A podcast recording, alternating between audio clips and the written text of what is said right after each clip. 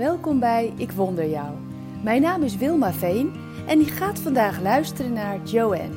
Zij leest de mail aan je voor.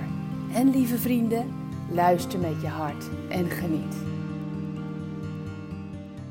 Laat je licht schijnen. Jezus heeft een hoge dunk van je. Hij onderschat je niet en vindt je niet onbelangrijk. Integendeel.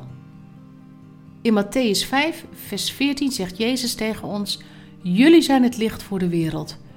Een stad die op een berg ligt, kan niet verborgen blijven. Jezus zegt dat je het waard bent om Hem te vertegenwoordigen, om Zijn licht te schijnen voor iedereen om je heen.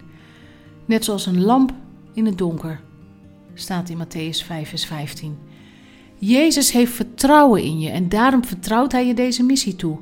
Jij bent het licht van de wereld. Je kunt de mensen die het zo hard nodig hebben licht geven. Je kunt ze beïnvloeden en hen naar Jezus leiden.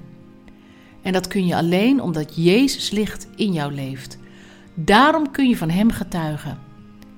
Zoals de Bijbel het zo mooi zegt in Matthäus 5, vers 16: Laat op dezelfde manier je licht schijnen voor de mensen. Laat hen de goede dingen zien die je doet.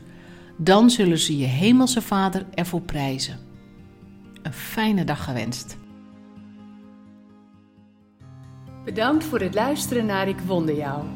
Hebben de woorden je hart geraakt en de teksten je geïnspireerd? Gun ook anderen Ik Wonder Jou.